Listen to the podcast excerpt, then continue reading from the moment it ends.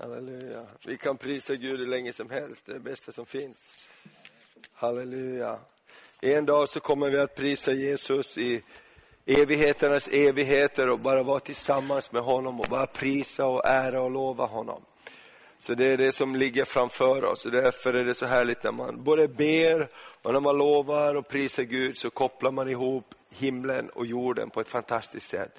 För himlen pågår det bön. Det finns, står det i Bibeln, Jesus har bett för oss idag. Han är vår förebedjare. Det pågår bön ständigt i himlen.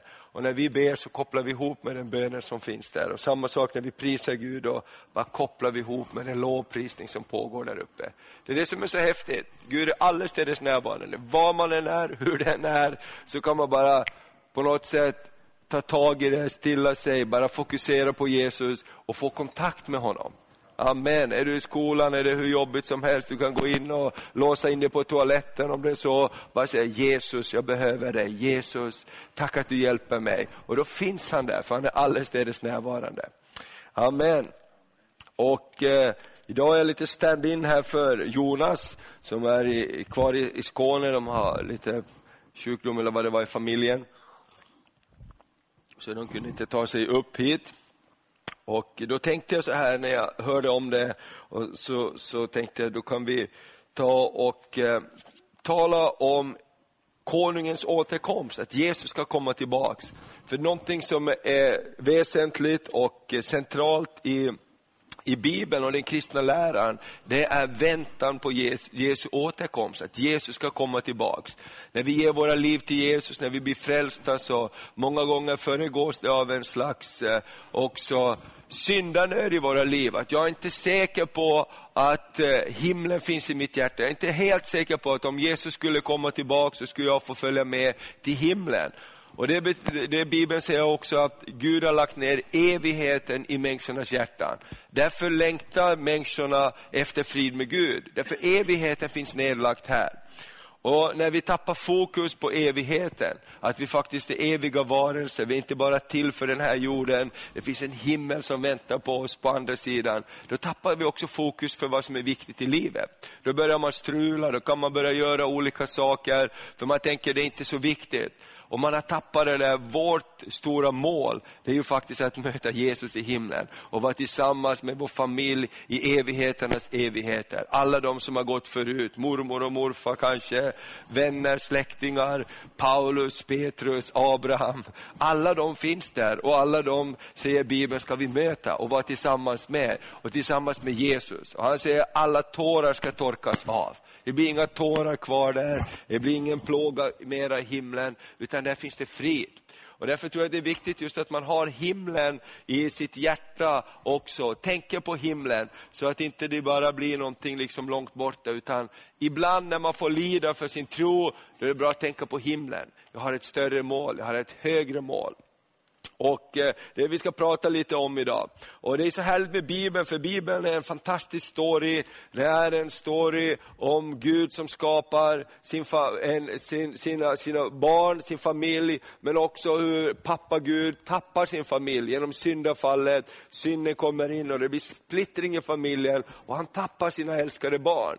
Och så hela den här boken handlar om en pappas story för att vinna tillbaka sin förlorade familj. Och han ger det bästa han har, han ger sig själv faktiskt. Och det är det julen handlar om, Gud blir människa och han tar på sig straffet för synden för att få tillbaka sin familj. Och det är det som hela den här boken handlar om. Den är en härlig bok, Bibeln, för att eh, den, den hänger ihop, allt i Bibeln hänger ihop. I början här i, i, första bladen står det om hur Gud skapade allting, hur Gud hade tänkt att allting skulle vara. Står det just om hur ormen, Satan kommer in och, och, och gör precis på samma sätt som han gör fortfarande idag. Han bedrar. Han säger, skulle då Gud verkligen ha sagt? Jo men han, Gud menar nog inte riktigt så. Ja men visst, visst. Och det är precis så som vi också blir bedragna. Skulle då Gud verkligen ha sagt? Menar Gud verkligen så? Men Gud menar alltid vad han har sagt. Och sen har vi hela den här storyn och det är så häftigt, i slutet av Bibeln har vi uppenbarelseboken. Det är som facit, hur kommer det att bli en gång när allt det här är färdigt? Och om man tänker på Uppenbarelseboken, som är Bibelns sista bok, så eh, är det ju given till Johannes. Johannes, han var på ön Patmos, faktiskt i fångenskap. Det var inte så kul. Jesus hade dött. Församlingen växte till, men de var förföljda hela tiden. Paulus var i fängelse, Petrus var i fängelse. Det var inte kul alls. Och där mitt i fängelse, liksom, när allt var sönderslaget och, och, och de visste inte riktigt hur det skulle bli, så kommer en ängel till Petrus och säger, Petrus, det ska inte sluta, eller förlåt mig, Johannes, det ska inte sluta på det här sättet. Det ska inte sluta på det här sättet. Jag ska visa dig hur det ska bli på slutet, för det ska bli en ny himmel och en ny jord. Och det ska, det ska bli en dag när, när, Je, när Jesus kommer tillbaka, då ska det vara folk från alla folk och stammar. En skara så stor att ingen ska kunna räkna, räkna dem. Och de ska komma inför Guds och Lammets tron och de ska prisa Gud i rena vita kläder. Och det ska vara massor av människor. Det var en häftig uppmuntran till en av Jesu lärjungar som satt ensam ute på en ö i ett fängelse. Och han kände, hur ska det här bli? Och så kommer det. Och det är det som är så härligt när man kommer till Gud. Gud kommer alltid och lyfter upp vår blick. Amen. Han kommer inte att slå ner den, han lyfter upp den. Så därför tänkte jag att vi ska börja läsa Uppenbarelseboken om konungens återkomst och sen ska vi titta lite grann på det här i, i Bibeln också ska man säga så här att nya och gamla testamentet, det speglar alltid varandra. Så i gamla testamentet Nya testamentet finns det ofta motsvarande storyn. Så motsvarande bok till uppenbarelseboken är Daniels bok i Gamla Testamentet. Om man vill läsa om ändens tid, hur det ska bli innan jorden går under, om man säger så. I Gamla Testamentet kan man läsa Daniels bok. Där står det profetior om hur det ska bli. Och i Uppenbarelseboken har vi det här finalberättelsen här i Nya Testamentet. Vi läser från kapitel 19, Uppenbarelseboken 19. Här står det väldigt spännande saker hela vägen här. Och då så står det så här till överskrift över kapitel 19. Har ni några biblar? Telefoner och grejer. Du har inget, där ligger en framför dig. Okej, okay, där hittar du en. Behöver någon flera biblar? Här ligger också en bibel. Vem ser det? Mattias, är det din? Vem? Här. Uppenbarelseboken 19 och det står så här, halleluja är överskriften där. Och första versen säger, sedan hörde jag liksom en mäktig röst från en stor skara i himlen säga, halleluja, frälsningen och äran och makten tillhör vår Gud. Till sanna och rättfärdiga hans domar. Han har dömt den stora kökan som fördärvade jorden med sin otukt och han har utkrävt hem på henne för sina tjänares blod. Än en gång sade det, halleluja, och röken från henne stiger upp i evigheternas evigheter. Och de 24 äldste och de fyra väsena föll ner och tillbad Gud som sitter på tronen och de sa Amen, halleluja. Från tronen kom en röst som sa, prisa eh, vår Gud och hans tjänare, ni som fruktar honom, både små och stora. Och jag hörde liksom rösten från en stor skara, likt bruset av stora vatten och dånet av kraftig åska. Och de sa, halleluja, Herren är vår Gud, den allsmäktige. Han har blivit konung. Låt oss vara glada och jubla och ge honom ära, till Lammets bröllop har kommit och hans brud har gjort sig redo. Och henne har givits eh, att klä sig i skinande rent linne, linnetyget är det heligas rättfärdighet. Och ängeln sa till mig, skriv, saliga är de som är bjudna till Lammets bröllopsmåltid. Och han talade, tillade, dessa Guds ord är sanna. Eh, och jag föll då ner för hans fötter för att tillbe honom. Men han sa till mig, gör inte det. Jag är bara en medtjänare till dig och dina bröder som har vittnesbördet om Jesus. Gud ska du tillbe, ty Jesu vittnesbörd är profetians ande. Sen kommer det härligt. Och jag såg himlen öppen och se en vit häst och han som satt på den heter trofast och sann och han dömer och strider i rättfärdighet. Hans ögon var som eldslågor på sitt huvud bar han många kronor. Han hade ett namn skrivet som ingen känner utom han själv. Och han var klädd i en mantel som hade doppats med blod. Och det namn han hade fått är Guds ord. De himmelska herrarna följde honom på vita hästar och var klädda i rent vitt linnetyg.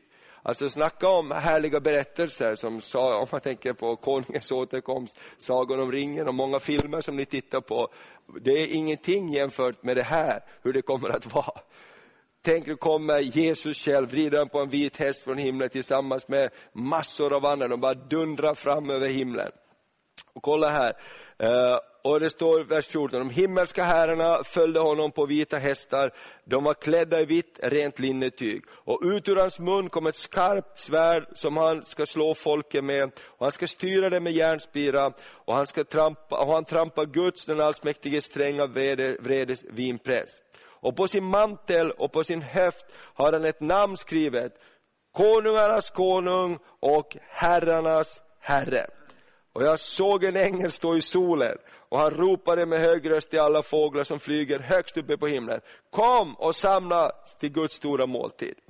Och det här är konungens återkomst. Så skulle man kunna läsa vidare här, eh, det här hela kapitlet. Nästa kapitel, kapitel 20, handlar om Kristi seger över Satan. Och sen handlar den, kapitel 21 om den nya himlen och, den nya, eh, och en ny jord. Och sen sista kapitlet handlar så härligt om hur Gud har upprättat allt igen och, och eh, människan lever tillsammans med, med Gud i harmoni och i läkedom och i helande och allt är upprättat igen. Och det är som paradiset i första Moseboken, första kapitel, fast det här är det slutliga perfekta i himlen där alla de som tror på Gud och tror på Jesus ska få vara tillsammans med sin far. Och Det här är, är det som vi har att se fram emot. Men innan det här så händer det många, många andra saker.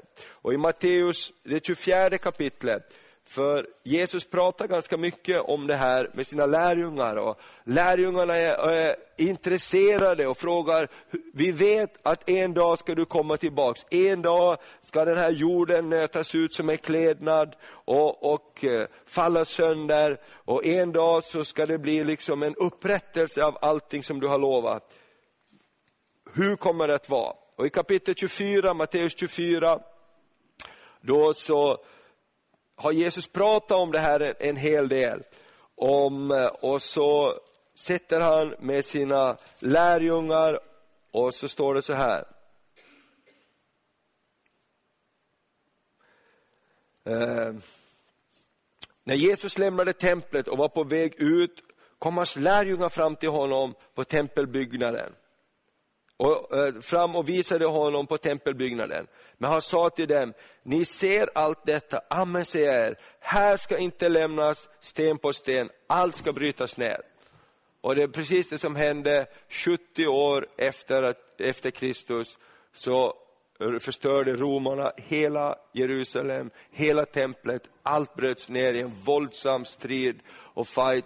Så bröts hela templet ner och, och, och, och brändes upp och slogs sönder alltihop. Och sen den dagen har det inte funnits där, utan det finns bara rester av det, det som är västra muren eller klagomuren. Men det finns också i Bibeln profetia om att ett nytt tempel ska byggas och att konungarnas konung som ska komma.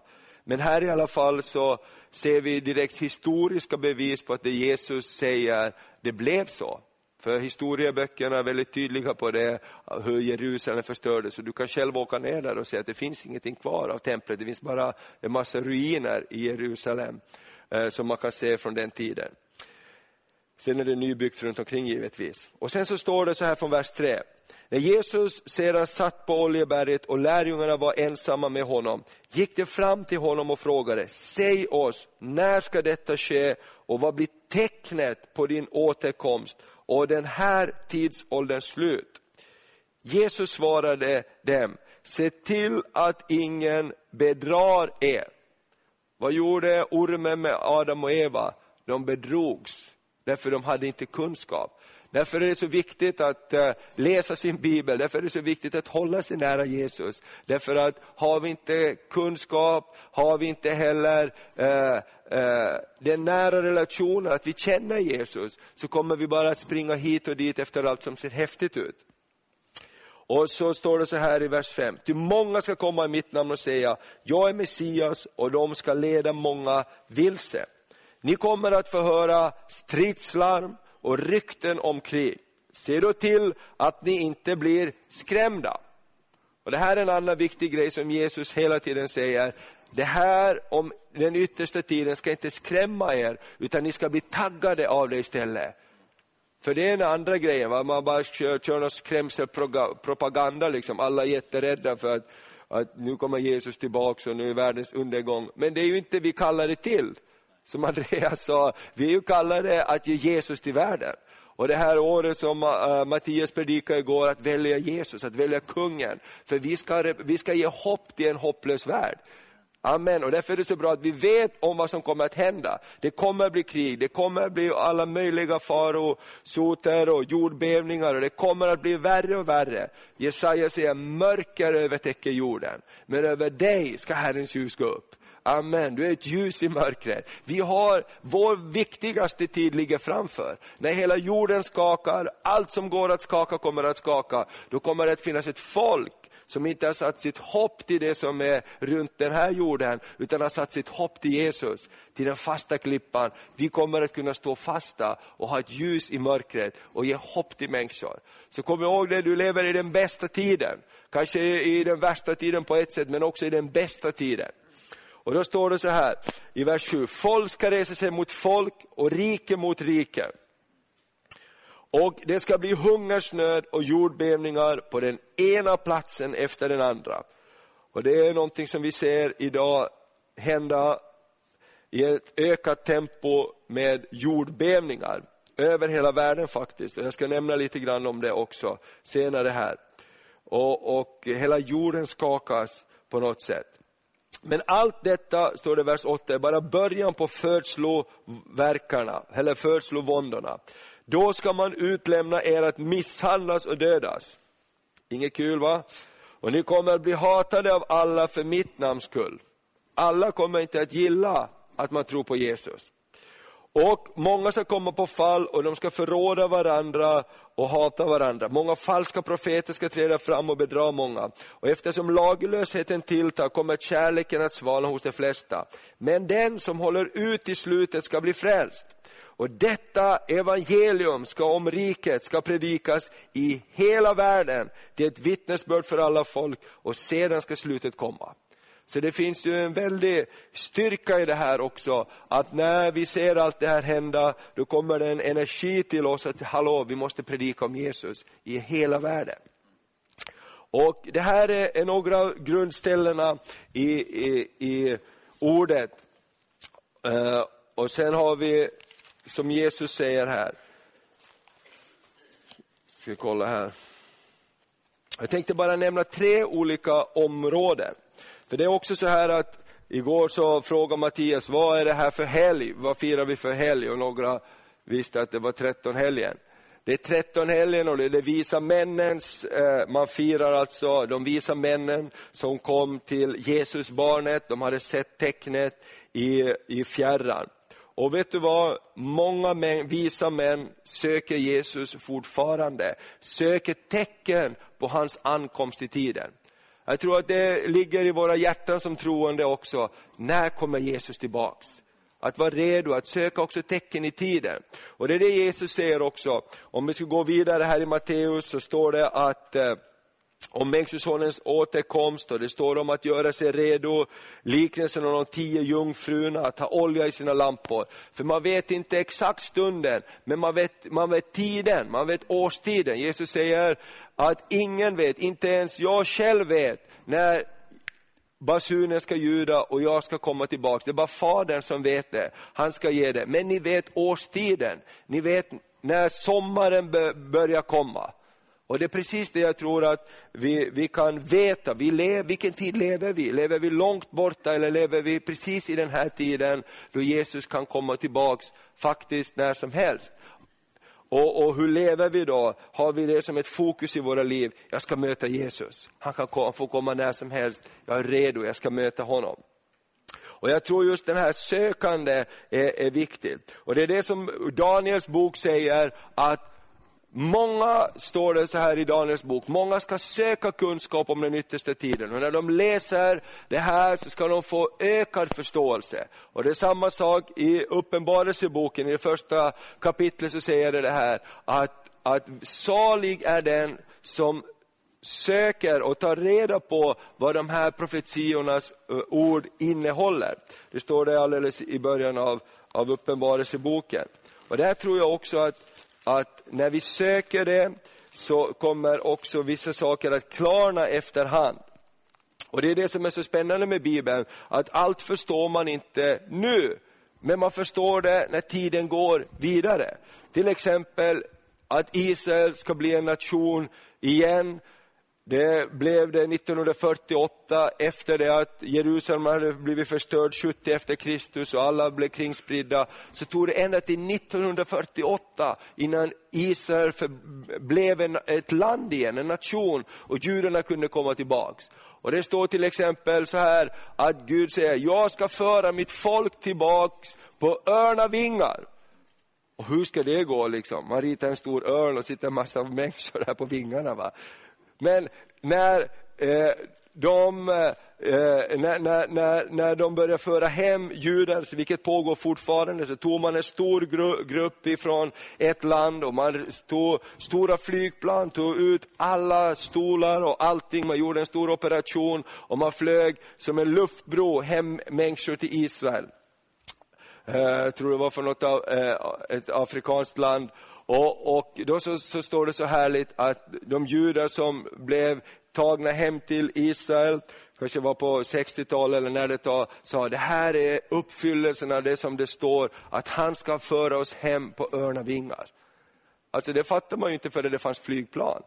Och, eh, men det fattar ju vi, klart att man kan föras hem på örnavingar. Det betyder inte att man sitter på, på en fågel, utan man, man som på örnavingar.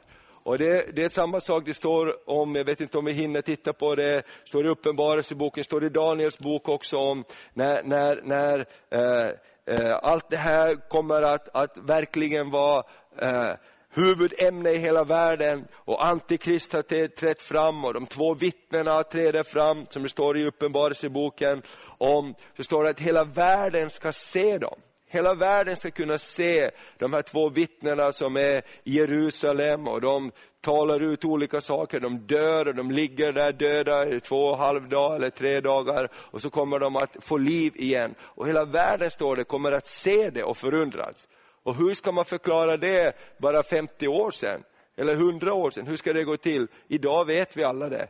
Det finns, alla har eh, eh mobiltelefonen, vi är uppkopplade överallt. För några år sedan var jag i Mongoliet, ute på steppen där på Mongoliet och drack hästmjölk och, med de här som bor bara i tält där. Och fattar du, vet ni vad de hade där ute på steppen? Det fanns inga buskar, ingenting. Va? Man fick bara gå tillräckligt långt bort när man skulle göra sina behov. Inga toaletter, ingenting, man fick bara gå iväg. Va? Man hade sina hästar där, och där levde de i sina tält. Va? Men vet ni vad de hade? De hade färg-tv och parabolantenn tänkte wow. De var satt och kollade, de kunde ju kolla exakt vad som hände i hela världen. Ute på steppen i Mongolien och de bara höll på med sina hästar och, och, och, och jordar där. Va? Och vi fick dricka hästmjölk. Efter bara en halv minut så var hela den här skålen full med flugor. Va? Så, vill ni ha mer av det här? Tack, det är bra. Men jag tänkte, wow, idag så förstår vi ju vissa saker, att det verkligen kan hända, det kan verkligen vara så.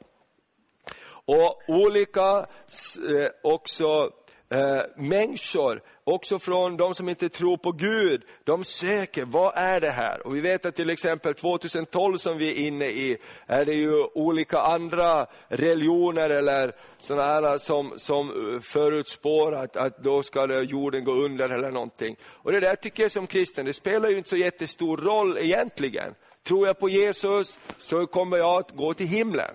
Och min uppgift är att få så många som möjligt med. Har ni sett den här filmen? De har gjort en film 2012.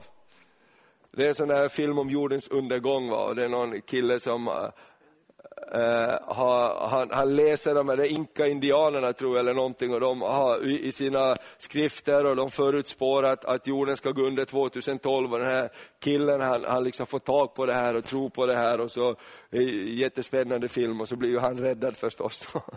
på något sätt genom allting det där.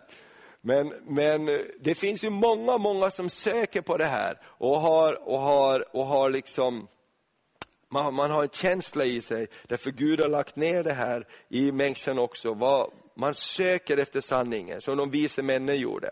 Men vi som tror på Gud, vi har fått Bibelns ord, där Gud beskriver hela storyn från början till slut, hur det kommer att gå till. Vi kan bara titta i Daniels bok också till exempel, så får ni lite koll på det, i kapitel 12.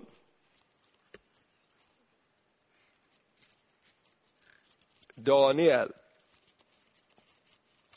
Han, han var en spännande kille, han blev ju bortförd i fångenskap,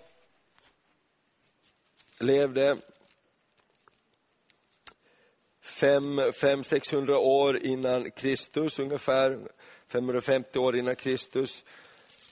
Och de blev bortförda i fångenskap, han med hans kompisar, och han, han började be till Gud och han har den här gåvan att han kan tyda drömmar och se in i, i framtiden. Och eh, alla de här kapitlen handlar mycket om det, Daniels olika syner och förklaringar av dem. Och eh, i kapitel 9 så står det att när han ser det här, då börjar han be. Eh, då börjar han be om, om upprättelse för sitt folk. Och jag tror det är också någonting som är viktigt. Vi ska inte bli skrämda av det som händer, men vi ska bli uppfyllda av bön. Att vi ber och vi söker Gud så vi får kraft att göra någonting. Och Det var det Daniel ville ha. Och Här står det i kapitel 90 om de 70 veckorna. Och det är också de som studerar det här, de menar att eh, vi ligger precis i den tiden, också nu när i skiftet där, när den här tiden har gått och det ska träda in en ny tid. Och så, så står det om olika saker i kapitel 11 till exempel, om vad som ska hända med, med de olika länderna. Och eh, kapitel 11 står det den onde kungen från Nordlandet, där vi kommer ifrån de här trakterna någonstans och, och, eh, vad han har gjort. Och Många av de här sakerna går till uppfyllelse också i historien. Man kan läsa historien och världshistorien och man kan se hur, hur de här krigen utspelas, hur de här olika furstarna har både rests och fallit. Men i kapitel 12, det sista kapitlet där, så står det om ändens tid. Den tid som jag tror att vi just nu är i. Så står det så här, men den tiden, i kapitel 12, han hittade Daniel 12, på den tiden ska Mikael träda upp, den store fursten som står som försvarare för dina landsmän. Det kommer en tid av nöd som inte haft sin like ända från den dag då människor blev till. Ända till den tiden. Men på den tiden skall alla bland ditt folk bli frälsta som finns uppskrivna i boken. Det är många som sover i mullen ska vakna, några till evigt liv, andra till förakt och evig skam. Det förståndiga ska då lysa som himla valvens ljus och det som har fört många till rättfärdighet som kärnor, alltid och för evigt. Men du Daniel, göm dessa ord och försegla denna skrift i ändens tid. Många ska forska i den och kunskapen ska bli stor. När jag Daniel såg upp sig, då stod det två andra där, en på flodens ena strand och en på den andra. En av dem sa det till mannen som var klädd i linnekläder och som stod ovanför flodens vatten. Hur länge dröjer det innan änden kommer med dessa mäktiga ting? Jag lyssnade till mannen som var klädd i linnekläder som stod ovanför flodens vatten. Han lyfte sin högra Eh, och sin vänstra hand upp mot himlen och svor vid honom som lever för evigt att efter en tid och tider och en halv tid och när det heliga folkets makt är krossad, då ska allt detta vara fullbordat. Jag hörde detta men förstod det inte, så jag frågade min herre, vad blir slutet på allt detta? Då sade han, gå Daniel, för dessa ord ska förbli gömda och förseglade till ändens tid. Många ska bli renade och tvagna och luttrade, men de ogudaktiga ska bedriva sin ogudaktighet och ingen ogudaktighet ska, ogudaktig ska förstå detta, men de förståndiga ska förstå det. Och så står det här om dagar och, och tider. Eh, och det här är ju ganska häftigt ändå att Bibeln talar väldigt tydligt om att det ska bli en upplösning av allt det som vi räknar som tid. Ändens tid. Det bara kommer inte att pågå för evigt det här. Det kommer en tid. Det kommer en, en payday om man säger. Det kommer en, en dag när alla kycklingar ska grillas, om man nu uttrycker sig Så. Alltså det kommer en dag när alla ska ställas på prov. Och då kommer det att visa sig vad finns det i våra liv. Och precis så samma säger Nya Testamentet i Uppenbarelseboken om, om man böcker uppläts, Livets bok och alla som fanns skrivna i Livets bok, de fick gå in i Guds härlighet. Men de som inte hade sitt namn skrivet i Livets bok, de fick stanna utanför där det var gråt och tandagnisslan och de fick förbli i eldsjön. Men alla som hade sina namn skrivna i Livets bok, de fick gå in i Guds härlighet. Och det är det jag tror att det är en del av det viktiga som vi har. Vi har våra namn skrivna i Livets bok. Amen. Och det är det vi behöver vara glada över också. Och hålla vid liv på något sätt. För att tron på Jesus det är ju ingenting bara som kommer och går. Utan tron på Jesus det är en relation med en som vi ska möta. Så jag tänkte så här, det är tre olika områden. Om man tittar ett bibelord till här, ska jag, i Lukas 21 så står det så här. Vi, eh, så står det att vi kan tyda tidens tecken. Och, och jag ska ta tre stycken områden. Lukas 21 och från 23 så står det så här. Det här är också samma frågor här. Hur ska det bli? Och, hur, och lärjungarna frågar. Och det här är Lukas evangeliet då. Och från vers 23 så står det så här. Tecken ska visa sig i solen. Först står det om Jerusalems ödeläggelse och så, och i början av kapitlet står det om tecken på Jesu ankomst. Och så står det i slutet av kapitlet från vers 25, eh, så står det så här. Tecken ska visa sig i solen och i månen och i stjärnorna och på jorden ska folken gripas av ångest och stå rådlösa vid havet och bränningarnas dån. Vad är den största folksjukdomen i Sverige idag? Och i västerlandet. Det är ångest. Vanliga, vet du vad vanligaste dödsorsaken är för män är det upp till 35 eller 25?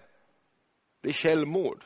Den vanligaste dödsorsaken i Sverige på unga män, det är självmord och det tror jag andra eller tredje. Alla ni som går i skola och gymnasium, alla ni som har kompisar, ni vet att det finns mängder av vänner, mängder, många unga människor som bara har ångest idag. Det är inte för att man inte har mat, för att man inte har kläder, för att man inte har någonstans att bo, för att man inte liksom har en säng att sova i, utan man har bara ångest. Därför att man, man, någonstans är det hopplöst olyckligt, någonstans känns allt så meningslöst. Och det är samma i USA, i många väst, västerlän, västvärldens länder är den största plågan ångest hos människor. Meningslöshet, depressioner. Och det är som Bibeln säger här. Människor ska ge upp andan av skräck i väntan, i vers 26 här, i väntan på det som ska komma över världen. Till himlens krafter ska skakas. Då ska man se Människosonen komma i ett moln med stor makt och härlighet. Men när detta börjar ske, så räta på er och lyft upp era huvuden. Ty då närmar sig er förlossning. Han gav den också en liknelse. Se på fikonträdet och alla andra träd. När ni ser att det knoppas förstår ni av er själva att sommaren redan är nära.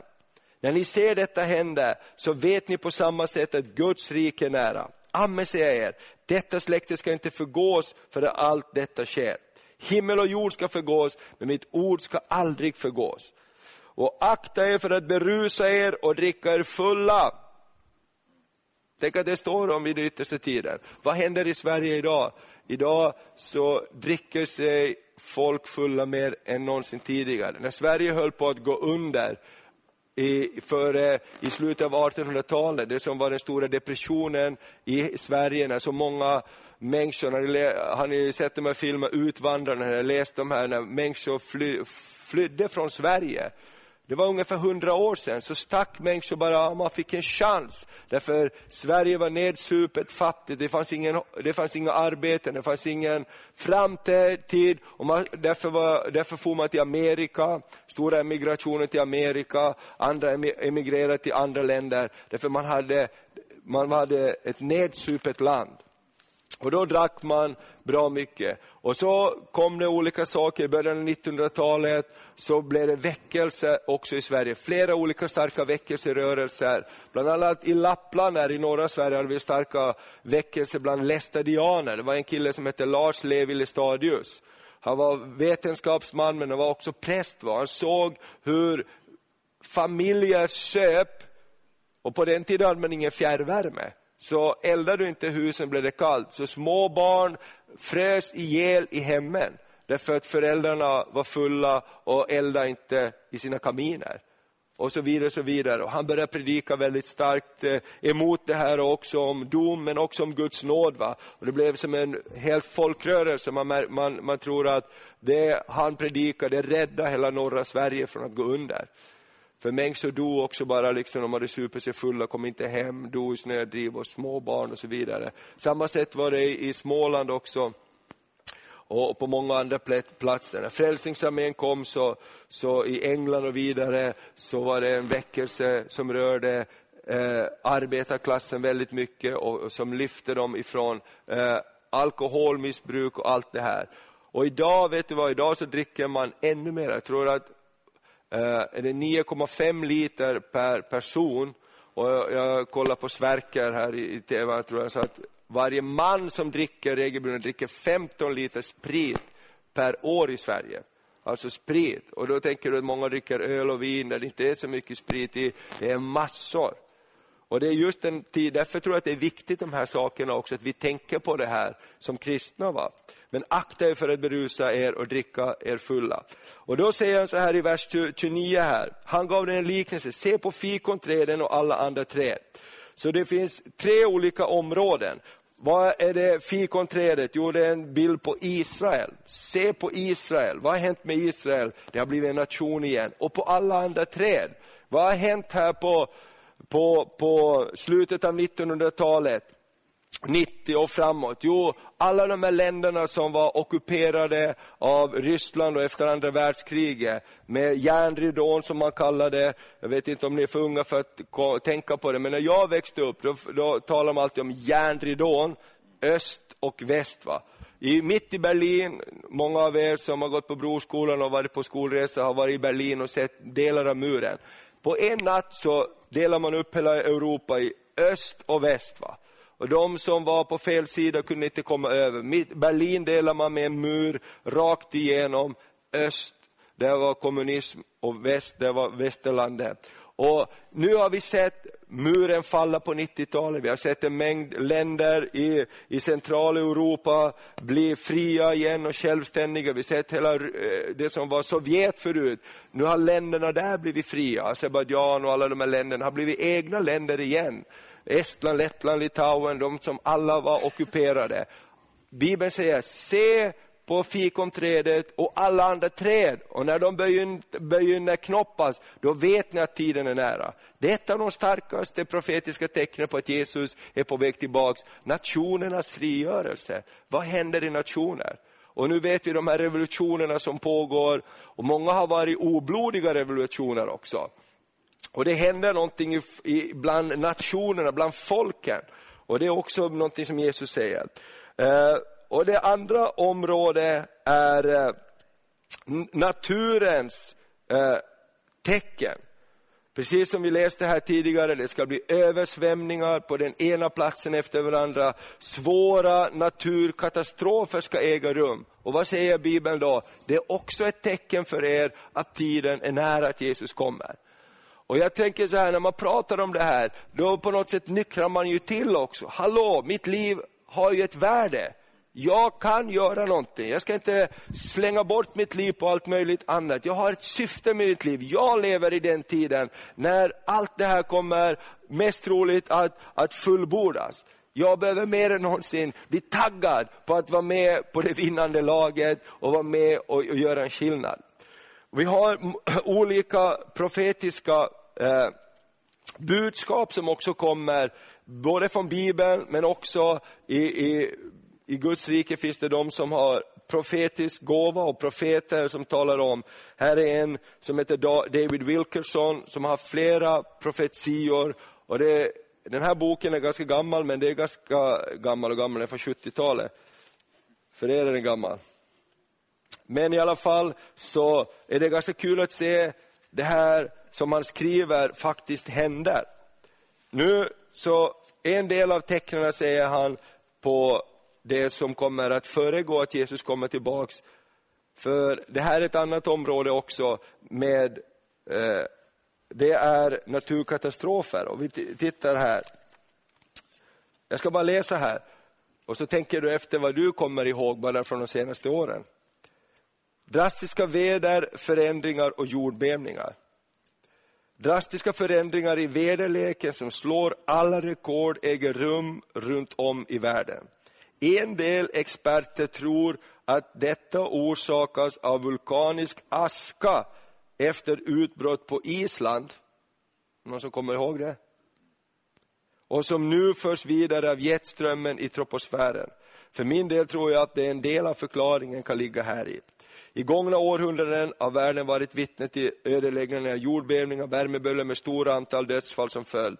Fruktansvärda översvämningar med alla slags bisarra förändringar i väderleken. Men sedan har allt återgått till normala. I min syn såg jag mycket litet av övernaturliga inslag i de drastiska förändringarna vi sett hittills. Men jag ser också mycket tydligt ett gudomligt ingripande äga rum över hela världen. Det är bäst att världen förbereder sig för väderförändringar som inte kan förklaras med andra termer än övernaturliga. Världen ska snart se begynnelsen till födslovåndorna genom historiens mest drastiska väderförändringar, Jordberövningar, fruktansvärda naturkatastrofer som vida överträffar allt annat man skådar. Om man tittar på sådana här kartor också, hur frekvensen av antalet jordbävningar ökar på jorden, så går kurvan väldigt, alltså kraftiga jordbävningar, så går det upp. Och vi vet väder, katastrofer och så vidare. Och så säger jag så här, en, en andra del, jordskalv drabbar Förenta Staterna. Det här är lite läskigt. Inom, en, icke, inom en inte alltför avlägsen framtid kommer USA att uppleva historiens mest tragiska jordskalv. En dag kommer denna nation att vackla under trycket av den största nyhet i hela den moderna historien. Det blir stora nyhetsreportage om den största och mest katastrofala jordbävningen i historien. Detta föranleder till panik och fruktan på många håll. Otvivelaktigt kommer det att bli en av de mest omtalade jordbävningar som någonsin ägt rum. TV kommer att uppskjuta alla andra program för att ge rum åt dagliga reportage. Lyssna på det här. Ett annat jordskalv, möjligen i Japan, kommer att föregå det jag ser drabba oss. Och det var ju i fjol, va? 2011 det stora, eller 2010, va? 2011 det stora. Det var nu i fjol, du vet, tiden går så fort. Bara i de här lilla jag läst så har dels Islands aska varit nämnt, jordbävningen i Japan varit nämnd och det som, som han ser att ska komma och, och, och skaka USA på ett väldigt starkt sätt. Och jag tänker så här, det är ju precis det vi har varit med om. Alltså många saker runt omkring oss vittnar. Och därför så blir jag lite så här, för att varför sover så många kristna? Varför är inte kyrkan full? Det folk är lediga idag. Varför är man inte intresserad? Jo, det finns en, en ande, en antikristande som säger sov, sov, sov. Allt är väl, allt är lugnt. Det är precis det som profetiorna säger, skulle vi ha tid skulle vi kunna gå igenom de bibelorden också säger. Ja, Jesus kommer i en tid tillbaks när, allt, när folk ska säga, allt är lugnt, det är ingen fara på färden. Jesus ska komma tillbaks i en tid när ingen förväntar det. Det är precis liksom allmän slöhet. Och därför tror jag det är så viktigt att vi taggar upp Amen. Prisa Jesus mer än någonsin tidigare. Om inte du prisar Gud tänker jag prisa Gud. Amen. Bara tänk så, om inte du går på bönemöte, tänker jag gå på bönemöte. Om inte du evangeliserar, tänker jag göra någonting. Eller hur? Om inte du läser Bibeln, tänker jag läsa Bibeln. Därför jag vill ha någonting att ge. Jag vill kunna ge hopp till människor i nöd. Och jag vill vara redo när Jesus kommer. Det finns andra saker också eh, som, som talar om de här sakerna. I, i natur, naturens tecken historiska händelser som vi har tittat på eh, med nationerna, Israel framförallt, som vittnar om det här. Och sen har vi eh, alla de här bibelorden vi skulle kunna läsa, hur människorna ska vara i de yttersta dagarna. Till exempel om vi tar en sån här bibelord, Andra Timoteus 3. Ska vi bara kolla så här hur ni känner det. Är det ungefär det som... Jag vet inte vad är klockan? När börjar vi det här? Vi, vi börjar elva. Orkar ni lite till? Ja.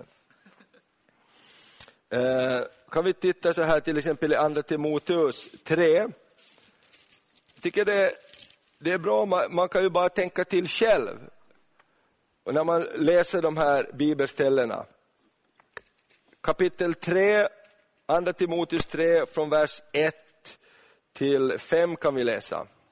Nu tycker jag att någon av er kan läsa, så dricker jag lite vatten. Kan det vara lite Andra Timoteus 3, 1-5, det står på väggen där till och med.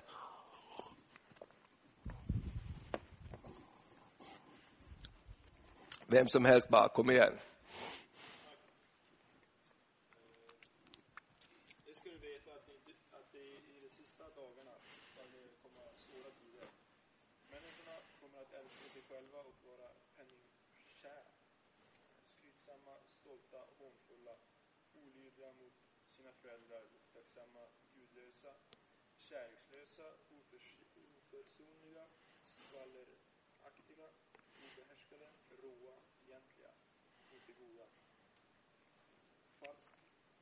Falska, egensinniga och högmodiga. Vi ska älska njutning, njutning istället för Gud och eh, ha sken av Gud, gudsfruktan. Eh, men förneka dess kraft. Håll dig borta från oss. Mm. Det här är ganska intressant tycker jag. Det ska du veta att de sista dagarna ska det komma svåra tider. Människor kommer att älska sig själv vad är det största budskapet idag? Se till att du förverkligar dig själv. Älska sig själv. Man ska vara penningkär. Är det någonting som människor drivs av idag? Ja, skrytsamma, stolta, olydiga mot sina föräldrar. Är det någon som har varit det någon gång? Alltså om man läser det här så är det ju precis ganska ungefär som det ser ut idag. Eller hur? Det är ju ingen science fiction direkt. Utan det är ungefär så där som Bibeln säger att det ska vara, när, hur människorna ska vara i de yttersta dagarna. Och det, det är precis det som, som vi upplever idag. En annan område är ju ekonomin också. Om vi tittar i Uppenbarelseboken, det brukar många fråga om, det här tecknet på handen, har ni hört om det här? 666, the number of the beast.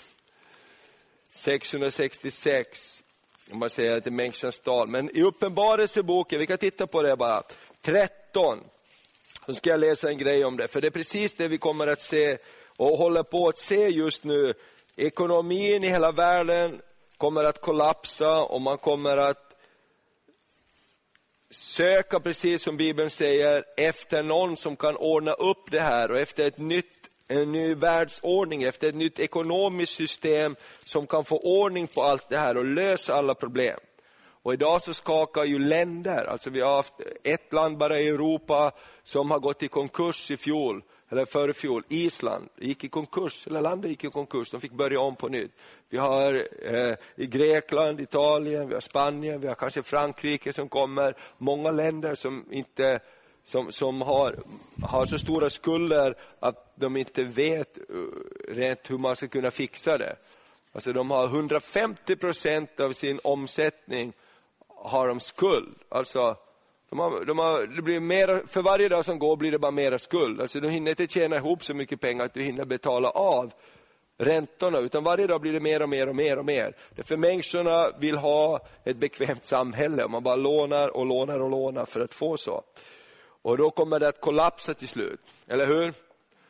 Det är ju lätt alla vi kan ju leva jättebra, vi går och tar ett lån och så köper vi massa fina grejer och allting och lever bra och sen när vi ska betala lånet tar vi ett till lån och så betalar vi det lånet som vi har lånat och sen så lever vi ännu bättre. Ska vi betala det andra lånet, då tar vi ett tredje lån och så betalar vi av det första och andra lånet lite grann på. Men till slut så funkar det ju inte. Eller hur? Och då händer det något. Så händer det för många nationer. Och det är det Bibeln talar också om. Då kommer det bli en ekonomisk kollaps och då kommer det framtvinga ett nytt ekonomiskt system.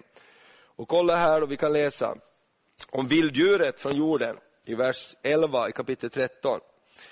Och jag såg ett annat vilddjur stiga upp ur jorden. Det hade två horn och ett, eh, eh som ett lamm och talade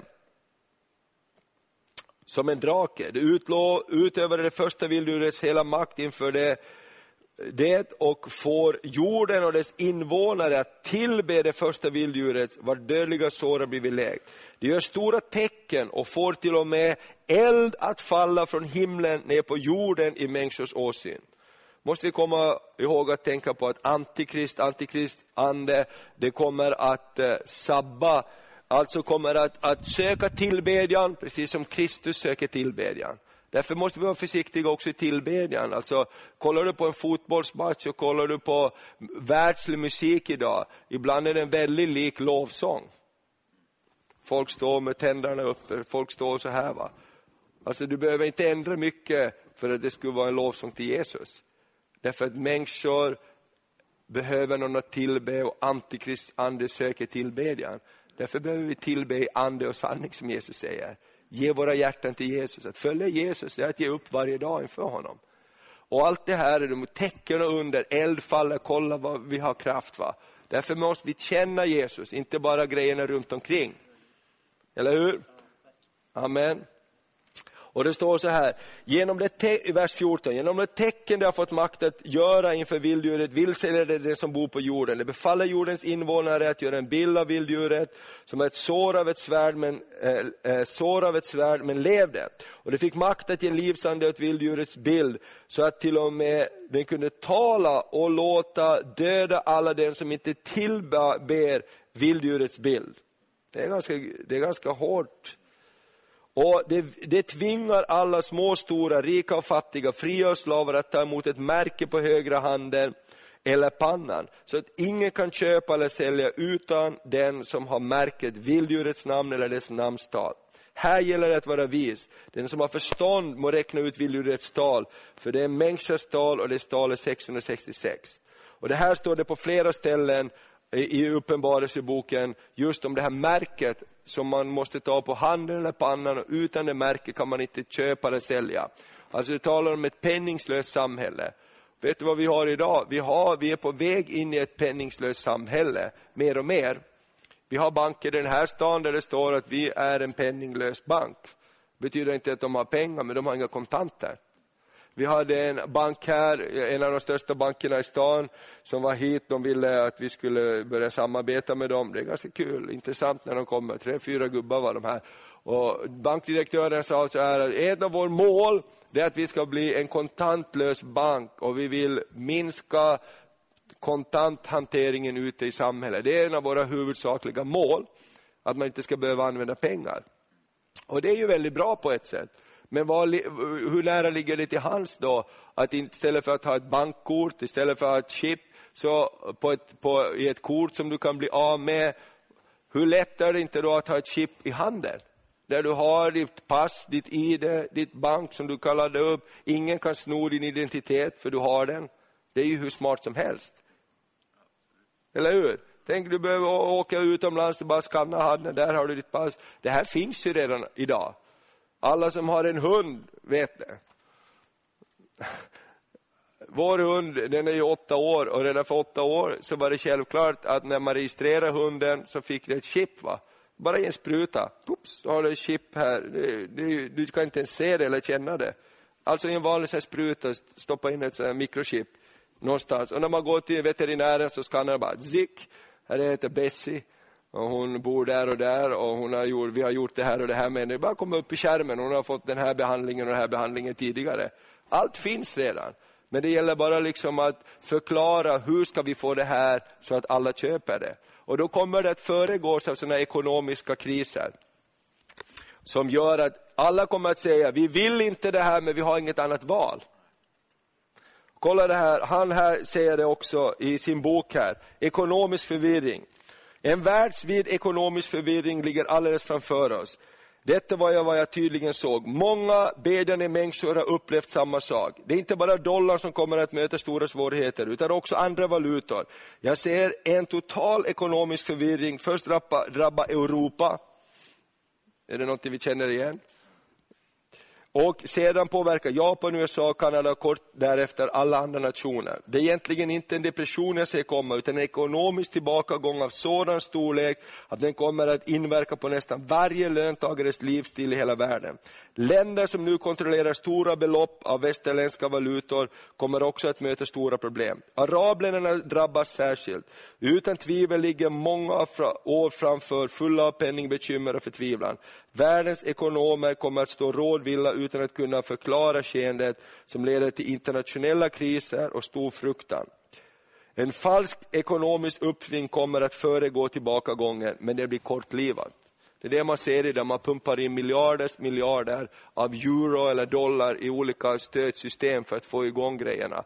Men Bibeln säger att det kommer att vara en sån här tid, eh, profetiska ord säger att det kommer att vara en sån här tid. Och då måste vi tänka, ska vi deppa ihop eller ska vi lyfta vår blick och säga, nu är vår bästa tid.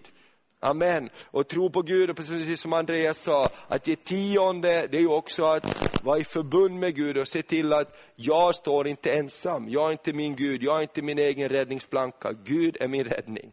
Amen. Och också vara vis och smart att göra saker på rätt sätt. Sen har vi också saker som kommer att hända. Till exempel har en annan, du kan få se på, kommer att se på, till slut här på ett litet Youtube-klipp.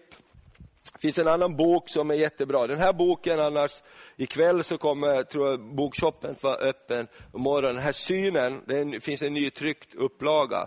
Tycker jag, försök skaffa den och läs den. Det är, det är lite kul. För att det här är ingen bibel, men det är roligt att se vad Guds ande har sagt till någon människor. Och så med all profetia, pröva. Är det det som kommer att ske? Och hur sker det? Och den här andra boken också som är slut just nu hos oss, det, det, är en bok som en man som eh, heter Emanuel Minos har skrivit. Du kommer att få se ett litet klipp av honom. Han har skrivit flera böcker och, och han är gammal man idag, men han har samlat flera profetior under åren. Han är tror jag över 80, han, kanske, han var på Livets Ord inte länge sedan, kanske är mellan 80 och 90 år idag. Och eh, han är en väldigt smart kille, men också har predikat hela sitt liv. Och då så, så han samlar profetiska ord som har kommit som vittnar om det här innan Jesu återkomst. Och bland annat ett av orden så är innan Jesus kommer tillbaka så kommer Norge att vara ett av världens rikaste länder. Det här profetian kom i början av 1900-talet. Vet du att Norge var då ett av Europas fattigaste länder. Det var en av orsakerna varför man tog emot Hitler och nazisterna, därför att det kunde ge en jobb. Man hade ing, det, var, det var ett av de fattigaste av fattiga länder i hela Europa, var Norge. Idag var Norge ett av världens rikaste länder. De har olja, de har så mycket pengar i statskassan att de kunde vara utan att betala skatt alla i Norge ett helt år, ändå skulle de ligga på plus. Va? Det är ganska otroligt. Alltså det är ganska häftigt tycker jag, uppmuntrande att tiden verkligen är nära. Och sen är det många andra också saker. Sen är det en annan eh, profetia som han fick på 60-talet som också handlar om ett tredje världskrig.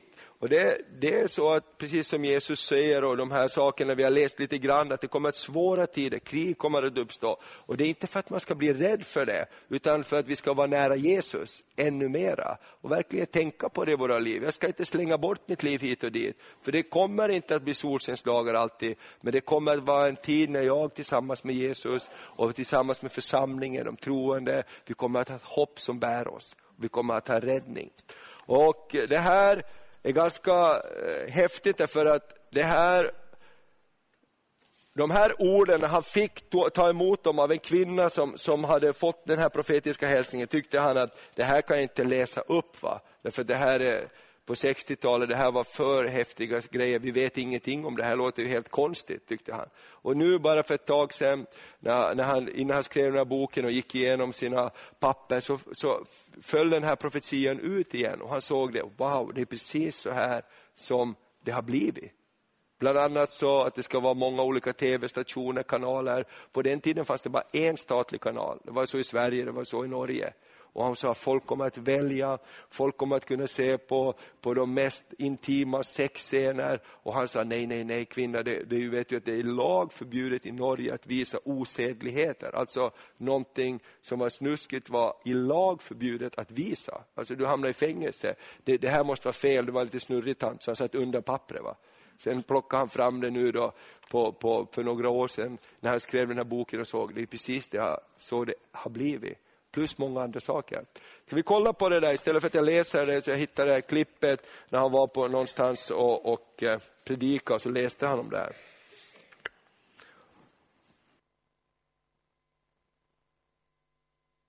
Så. Eh, jag tycker det är ganska spännande med det här och eh, ta gärna tid och, och eh, läs sådana här saker också lite grann så man är, man är, man är på hugget när det gäller vilken tid vi lever i. Och allt det här måste vi alltid komma ihåg. Det här säger inte Jesus för att skrämma oss utan för att, som han sa, när ni ser allt detta hända, lyft då upp era ögon. Uppmuntra varandra, dess mer när ni ser att dagen närmar sig. Eh, och eh, det måste vi ha. Så med den här får vi nog Ja, det är halleluja, det blir ljust i Guds hus så småningom. Halleluja, ljuset lyser i mörkret. Ja men vad bra. Så summan av det här som jag vill säga är eh, att jag tror att det är viktigt som ung, jag tror att det är viktigt som kristen att man lever med de här frågorna. Eh, i sina hjärtan att vi inte är okunniga om det. Därför Bibeln säger att vi ska inte vara okunniga om den tid vi lever i. Va? För då blir vi precis som de här jungfrurna som inte hade olja i sina lampor. Man visste att någonting håller på att hända, man bara snubblar dit. Va? Men man är inte förberedd. Man är inte förberedd för den tiden, man har inte tagit olja. Hur får du olja i din lampa? Jo, att du går med Jesus att du är med de troendes gemenskap, att du läser Bibeln, att du är med och lever med Jesus, vandrar med Jesus. Hur dränerar man olja från sina lampor? Jo, någonting annat kommer och suger ut det.